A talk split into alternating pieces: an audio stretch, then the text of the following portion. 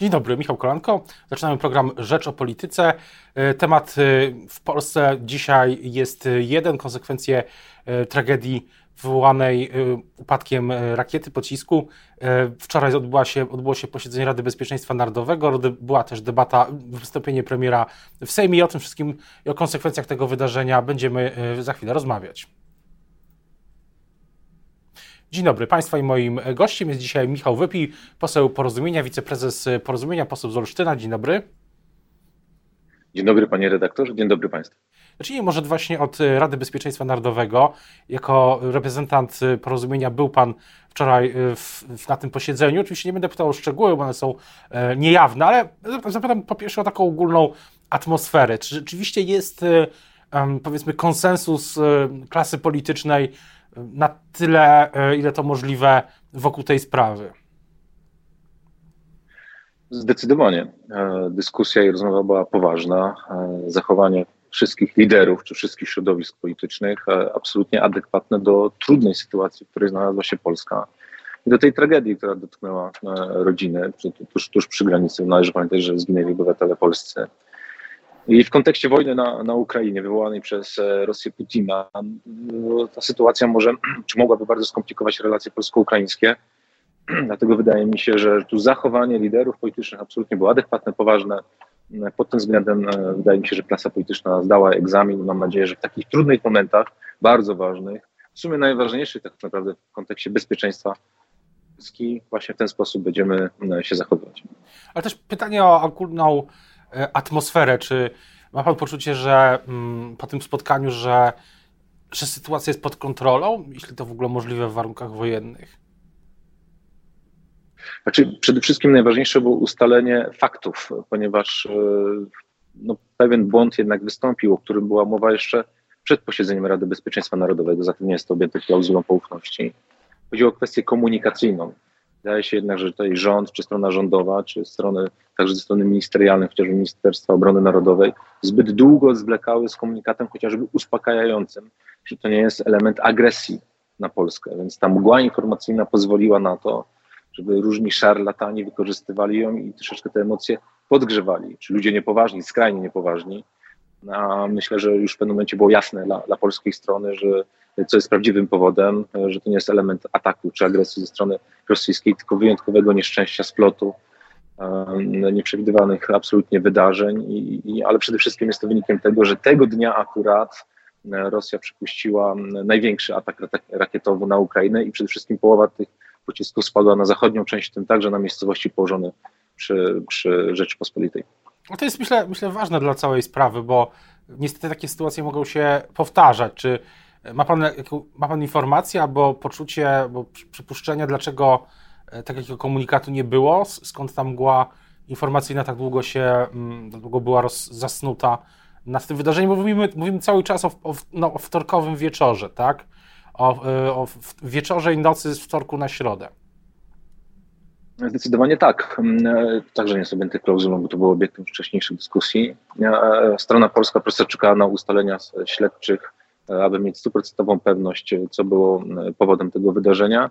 Niemniej uważam, że nie jest to wystarczające tłumaczenie, został tutaj popełniony błąd i przede wszystkim Polacy dowiadywali się o tym, co stało się na terenie ich kraju zagranicznych serwisów. Myślę, że jest to sytuacja niedopuszczalna i pod tym względem wystąpił błąd komunikacyjny, który należy następnym razem absolutnie naprawić albo absolutnie wykluczyć. A co do, mówił Pan o relacjach polsko-ukraińskich, no właśnie, to jest chyba jedno z, z ważniejszych pytań e, na dziś, bo e, komunikaty prezydenta Zełęńskiego są, stoją w sprzeczności z tym, co przedstawia, przedstawia, przedstawia strona polska i też e, nie tylko strona polska, ale też na przykład to jest coś innego niż mówi prezydent Biden. Więc pytanie, mm, jak dalej Polska powinna prowadzić politykę zagraniczną, jeśli to możliwe, jakie sygnały powinny pójść w kierunku y, Ukrainy, żeby ta sytuacja się nie wymknęła y, spod kontroli i w relacjach bilateralnych. Należy przede wszystkim jak najszybciej ją przeciąć. To znaczy odpowiedzialni za to, y, odpowiedzialna jest oczywiście Rosja, bo gdyby nie ten huraganowy atak rakietowy, do, do tej sytuacji by nie doszło. Ukraina się broni i to wyjątkowe nieszczęście tuż przy naszej wspólnej granicy z Ukrainą było spowodowane przede wszystkim agresją rosyjską. To jest, to jest oczywiste dla wszystkich ale wobec Polaków, którzy wykonali tak heroiczny gest solidarności w stosunku do uchodźców wojennych z Ukrainy i postawy całego naszego narodu, absolutnie wyjątkowego w skali historii świata, no wydaje mi się, że oczekujemy od strony ukraińskiej tego, żeby stanęła w prawdzie. Ja rozumiem, że oni także chcą mieć stuprocentową pewność, bo to jest dla nich sytuacja wyjątkowo także trudna, no ale e, interesem polityków polskich jest to, żeby realizować polski interes, interes polskiego społeczeństwa, ale także przede wszystkim, żeby informować rzetelnie polskie społeczeństwo o tym, co się wydarzyło. Więc myślę, że tutaj oczekiwanie całej klasy politycznej jest jednoznaczne od strony ukraińskiej i mam nadzieję, że jak najszybciej do, do takiej sytuacji, której wezmą kolokwialnie mówiąc na klatę odpowiedzialne za to, co się wydarzyło, się stanie. E, I, i, I, to byłoby najlepsze, co, co się może wydarzyć w tej sytuacji, ponieważ jeżeli, no właśnie, ta mgła informacyjna, czy ta mgła spekulacyjna wejdzie w relacje polsko-ukraińskie w tak ważnym momencie, no to znowu zło, zło nie śpi, zło czyha i spróbuje wykorzystać tą szansę. W jakimś sensie e, z punktu widzenia e, Rosji ta sytuacja jest korzystna, można by tak to ująć. Pod każdym, znaczy, że, że w tej chwili Rosja korzysta na tym napięciu polsko-ukraińskim. Przede wszystkim też proszę zwrócić uwagę, że państwa NATO, czy, czy informacje, które e, wychodzą z kwatery głównej NATO, ze strony polskiej, czy także ze strony, no, także strony oczywiście administracji Joe Bidena, są to jakby jednoznaczne. Jesteśmy jedną drużyną, tu się nic nie zmienia, to jesteśmy jedną pięścią, będziemy E, będziemy dalej wspierać Ukrainę, no ale myślę, że tu oczekiwanie musi być e, jasne, ale komunikat musi być oczywisty. Jesteśmy razem, to stroną agresywną jest strona rosyjska, to ona dopuszcza się bestialstwa na terenie Ukrainy, morduje ludzi, gwałci kobiety i niszczy e, kraj. Agresja jest niczym nie spowodowana i nie ma tu żadnego wytłumaczenia dla strony rosyjskiej i wydaje mi się, że pod tym względem wszyscy jesteśmy solidarni i świadomi tego, że najpierw Ukraina, potem kraje bałtyckie, a potem będzie kolej być może i na Polskę. Także wiemy, że naszym interesie jest to, żeby trzymać tego niedźwiedzia rosyjskiego agresywnego jak najdalej od granic Polski. Natomiast pytanie jest, e, wracając jeszcze na chwilę do tego posiedzenia RBN-u, bo później po tym posiedzeniu na przykład politycy, mm, tam, pamiętam Władysław Kosiniak-Kamysz y, mówił o tym, że wróci do tego postulatu, że ten RBN, RBN powinien być cykliczny. Czy coś na to wskazuje? Bo ostatni był w lipcu, no, my dopytywaliśmy przez te ostatnie miesiące E, prezydenta i jego otoczenie bardziej, kiedy będzie kolejny. No nigdy nie było konkretnej odpowiedzi, no i wydarzyło się to, co się wydarzyło i RBN się mm, zebrał. Pytanie, czy, czy, czy był jakiś sygnał, może tak kuluarowy, że on może być, że te posiedzenia mogą być częstsze. No bo tak jak mówiliśmy, nie ma tutaj politycznej gry w tej chwili. Mam nadzieję, że nie ma tej politycznej gry, to jest jasne. Nie było takiego sygnału. Wydaje mi się, że kwestią oczywistą dla dojrzałego rządu i dojrzałych polityków jest to, żeby takie spotkania, zwłaszcza w tak trudnym momencie, także emocjonalnym w kontekście wewnętrznych dyskusji i relacji polsko-ukraińskich toczącej się w cieniu wojny na Ukrainie, tylko takie spotkania powinny odbywać się jak najczęściej. To jest w interesie każdego odpowiedzialnego rządu. Ale proszę mi że poznałem e, Prawo i Sprawiedliwość zbyt dobrze, żeby oczekiwać tego z góry, więc chciałbym być miło zaskoczony, ale raczej nie oczekuję takiej postawy po nich. Co do RBN-u to było wczoraj jedno z, jedno, tylko jedno z, z wydarzeń. Później, e, później była też, e, no nie powiem debata, ale wystąpienie premiera Morawieckiego w Sejmie. Później poseł Winnicki, z tego co pamiętam, domagał się tego, żeby inni przedstawiciele mm, klubów i kół mogli e, też zabrać głos. Zabrał głos tylko premier. To jest, e, mm, powinna być w ogóle debata. No właśnie, co pan na to? To debata czy wystąpienie e, pana premiera było także wynikiem e, dyskusji na Radzie Bezpieczeństwa Narodowego, więc tutaj było takie wspólne ustalenie i bardzo dobrze, że do tego wystąpienia doszło. Nie widziałem miejsca na to, żeby e, debatować, zwłaszcza, że przedstawiciel Konfederacji był obecny na Radzie Bezpieczeństwa Narodowego. Nie do końca rozumiałem to wystąpienie pana posła Binickiego. Nie zakładam złych intencji z góry, E, ale jest moment i czas, kiedy możemy rozmawiać także pod klauzulą ufności, ale wydaje się, że są też takie momenty i tematy, kiedy nie wypada po prostu robić polityki, kiedy musimy się skupić na tym, co najważniejsze i przede wszystkim, tak jak mówię, no, są, pewne elementy tej całej sprawy, które jeszcze nie zostały jednoznacznie, stuprocentowo wyjaśnione i przecięte, więc dopóki tego nie będzie, no to dyskusja polityczna może tylko niepotrzebnie e, jątrzyć i akurat w żaden sposób nie pomoże tej sprawie. A, jak, a pomoże sprawie ten apel premiera Morawieckiego o e, odłożenie sporów na, na jakiś czas, o to, że te słowa, że teraz wszyscy politycy tworzą jedną partię, partię racji stanu? W sprawach bezpieczeństwa, interesu Polski, polskiej racji stanu powinno być zawsze, niezależnie od tego, czy, czy dojdzie do tragedii, czy też nie. W, w moim odczuciu takim elementem polskiej racji stanu było chociażby przyjęcie KPO, e, tych pieniędzy, które pomogą stanąć na nogi polskim rodzinom, polskim przedsiębiorcom. I na przykład ja tutaj nie wyobrażałem sobie, a jeszcze byliśmy częścią rządu, że obecny obóz władzy zablokuje KPO. Udało nam się, premier Gowin poleciał wtedy do Brukseli, odbył szereg także nieoficjalnych spotkań to premier Gowin wypracował pole do kompromisu, dzięki któremu możemy dzisiaj w ogóle o KPO mówić, bo wtedy obecny obóz władzy Solidarna Polska i Prawo i Sprawiedliwość byli gotowi już wtedy blokować KPO, także to dzięki naszym staraniom udało się to zablokować, to nieszczęście. I na przykład takim tematem, który powinien być wyłączony ze sporów politycznych jest kwestia KPO. To jest dla mnie oczywiste. A więc jeżeli pan e, premier Morawiecki te słowa kieruje do klasy politycznej, to rozumiem, że w jakimś stopniu także przede wszystkim do swojego obozu politycznego. No, to jest, to jest bardzo dobre e, przypomnienie, przypominał Pan o KPO. No i też się zastanawiam, po pierwsze, e, jak Pan obserwuje to, co się wydarzyło przez ostatnie kilkadziesiąt godzin, też w kontekście e, gospodarczym. Czy jest, e, odnotował Pan jakiś sygnał co do przyszłości, czy, że, czy, czy to ta tragedia wpłynęła na, na rynki finansowe, na gospodarkę? Jak, jak Pan to widzi? Zobaczymy, ale chciałbym troszeczkę nawiązać do, do poprzedniej wypowiedzi.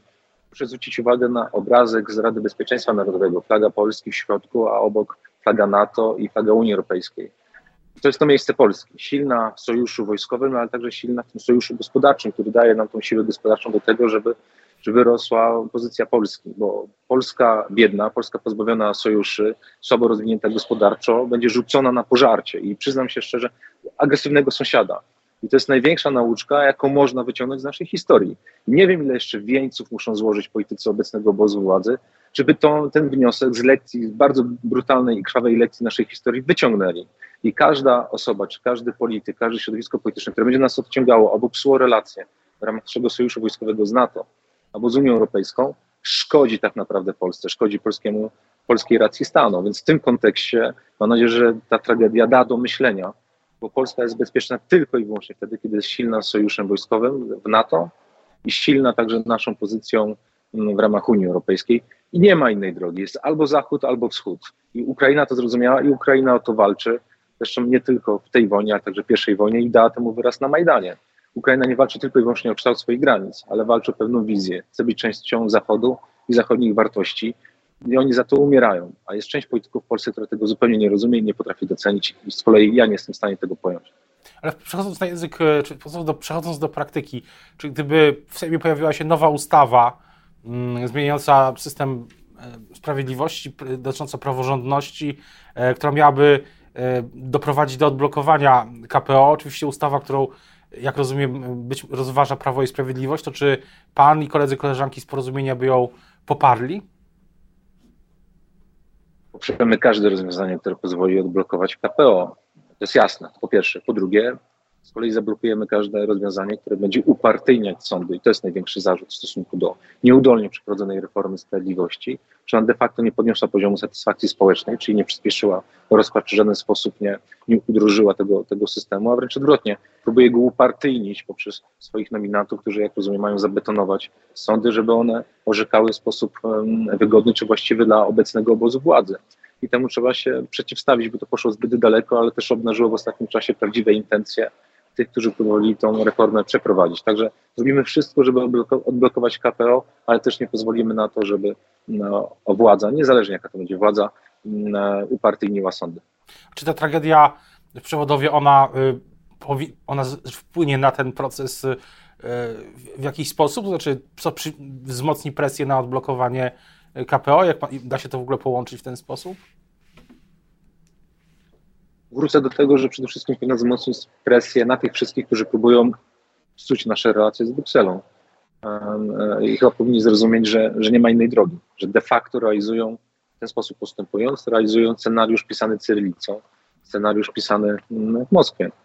Mm, więc mam nadzieję, że w końcu ta refleksja do nich przyjdzie. Jeżeli nie, to mam nadzieję, że najpóźniej za rok Polacy dadzą temu wyraz, a o to jestem akurat spokojny, bo my jako naród wyciągamy wnioski z naszej historii, doceniamy 30 lat pokoju, ale też wiemy skąd on się wziął, doceniamy świadectwo i dziedzictwo Solidarności, ale pamiętamy także o ogromnej ofierze daniny krwi, jaką Polacy złożyli i wiemy, że w tej części Europy no, nie stać nas na niepoważne zachowania i na głupich ludzi, którzy po prostu próbują w sposób absolutnie niepoważny doprowadzić do sytuacji bardzo trudnej dla, dla Polski. Wspomniał Pan o, wspomniał Pan o wyborach, ale taka ogólna, za rok, ale taka ogólna refleksja się nasuwa, że mm, to, co się wydarzyło, pokazuje, jak bardzo nieprzewidywalny jest dzisiaj e, jest dzisiaj świat, chociaż były przewidywania, że taka sytuacja się może mieć miejsce, to jednak e, no, jesteśmy w nowej rzeczywistości. No i też to chyba pokazuje, że ten wynik przyszłorocznych wyborów też jest trudny do przewidzenia, bo jest pod tak dużym wpływem wydarzeń, których, które, które są zaskakujące, takich czarnych łabędzi, jak to e, premier Morawiecki lubi takie stwierdzenie stada czarnych łabędzi. Tu akurat coś jest chyba na rzeczy. To prawda i musimy zdać sobie z tego sprawę, że nie stać nas dzisiaj na, na niepoważną klasę polityczną. Dlatego ten wybór będzie tak bardzo ważny, żeby wybrać ludzi odpowiedzialnych i świadomych miejsca i roli Polski, ale także tego, z czego bierze się siła i kwestia bezpieczeństwa, poziom bezpieczeństwa naszego kraju. I zabawy bezpieczeństwem czy polską racją stanu powinny e, takich polityków raz na zawsze wyłączyć z polskiej polityki. Czas spokoju także na polskiej scenie politycznej się skończył. Czas karnawału się skończył. Teraz jest czas prawdziwej próby, prawdziwego testu i potrzebujemy ludzi odpowiedzialnych i poważnych. I mam nadzieję, że tacy mm, wygrają te wybory i w sposób odpowiedzialny przeprowadzą Polskę przez ten bardzo trudny e, czas, który, który nastał. Czyli w jakimś sensie też e, czas takiej postpolityki się skończył, mówi pan, czas takiej polityki prowadzonej, z, e, przepraszam za to słowo, na Instagramie. Dokładnie tak. Znaczy, oczywiście będziemy korzystać wszyscy, bo tam się spotykamy z państwem, z wyborcami z różnych kanałów społecznościowych, ale sprowadzanie tylko i wyłącznie dzisiaj polityki właśnie do Instagrama czy znaczy do dobrego zdjęcia się skończył. Dzisiaj każda decyzja ma znaczenie i może mieć ogromne znaczenie dla poziomu bezpieczeństwa i dla przyszłości naszego kraju. A można już powiedzieć, tak e, zapowiem, zapytam na koniec, można już dzisiaj powiedzieć, e, że ta kampania, która zacznie się formalnie pewnie w sierpniu przyszłego roku dopiero, z, e, to jest najpóźniejszy możliwy termin, gdy prezydent może ogłosić wybory do Sejmu zgodnie z, z, z prawem. Czy, czy już dzisiaj można powiedzieć, że ta kampania toczy się i będzie się toczyć wokół szeroko pojętego bezpieczeństwa, że to jest główny taki, takie hasło organizujące cały, cały, całą sytuację, całą, cały ten proces wyborczy? Faktycznie w różnych badaniach wychodzi, że to jest ta emocja, e, która generuje największą uwagę e, Polaków, ale nie, nie tylko i wyłącznie od momentu agresji Rosji na Ukrainę, ale także od momentu wybuchu pandemii. Także my troszeczkę jakby żyjemy mm, e, w bardzo trudnym czasie. Cała kadencja jest objęta bardzo trudnym, trudnym momentem i myślę, że to będzie z głównych elementów bezpieczeństwa, zarówno w skali oczywiście polskiej rodziny, czyli bezpieczeństwa tego ekonomicznego w kontekście chociażby wysokich rat kredytów i, i bardzo trudnej sytuacji ekonomicznej polskich rodzin, która pogarsza się e, w zasadzie z każdym miesiącem, po tą skalę makro, czyli w kontekście bezpieczeństwa całego kraju. Także myślę, że kwestia absolutnie i hasło tego bezpieczeństwa będzie no, głównym odniesieniem wszystkich poważnych środowisk, środowisk politycznych, ale także głównym oczekiwaniem na, ze strony polskiego społeczeństwa. A coś, coś, ta sytuacja, o której rozmawiamy cały czas, ma Pan poczucie, że ona coś zmieni, jeśli chodzi o opozycję, o te wszystkie rozmowy, które były tematem, tematem też y, analiz oczywiście tematem dla dziennikarzy. No, dzisiaj wydają się to odległe sprawy, ale jednak jak zapytam na koniec, czy, czy to coś w ogóle zmienia, czy na razie po prostu wszystko i tak jest w tle tej, tej sytuacji? dla poważnych ludzi na, na opozycji, dla poważnych polityków, poważnych środowisk politycznych, powinno być jasne, że trzeba zrobić wszystko, żeby odsunąć tych, którzy szkodzą Polsce. Dzisiaj blokowanie KPO, psucie relacji z partnerami zachodnimi jest szkodzeniem Polsce, żywotnemu interesowi Polski. Dzisiaj nas nie stać na zabawy polityczne i na karnawał. Dlatego dla wszystkich poważnych ludzi powinno być jasne to, że trzeba zrobić, czy skonstruować w ten sposób propozycję wyborczą, aby ona da, dawała gwarancję zwycięstwa nad tymi, którzy dzisiaj Polsce szkodzą. Jeżeli ktoś tego nie rozumie, to myślę, że w tych wyborach przepadnie, ale dla całej reszty poważnych ludzi myślę, że to powinno być, to powinna być kwestia najważniejsza i mam nadzieję, że tak też się stanie.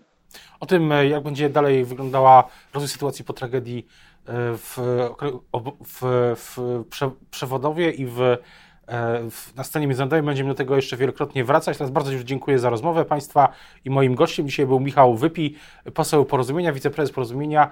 Dziękuję bardzo. Dziękuję bardzo, pozdrawiam Państwa bardzo serdecznie.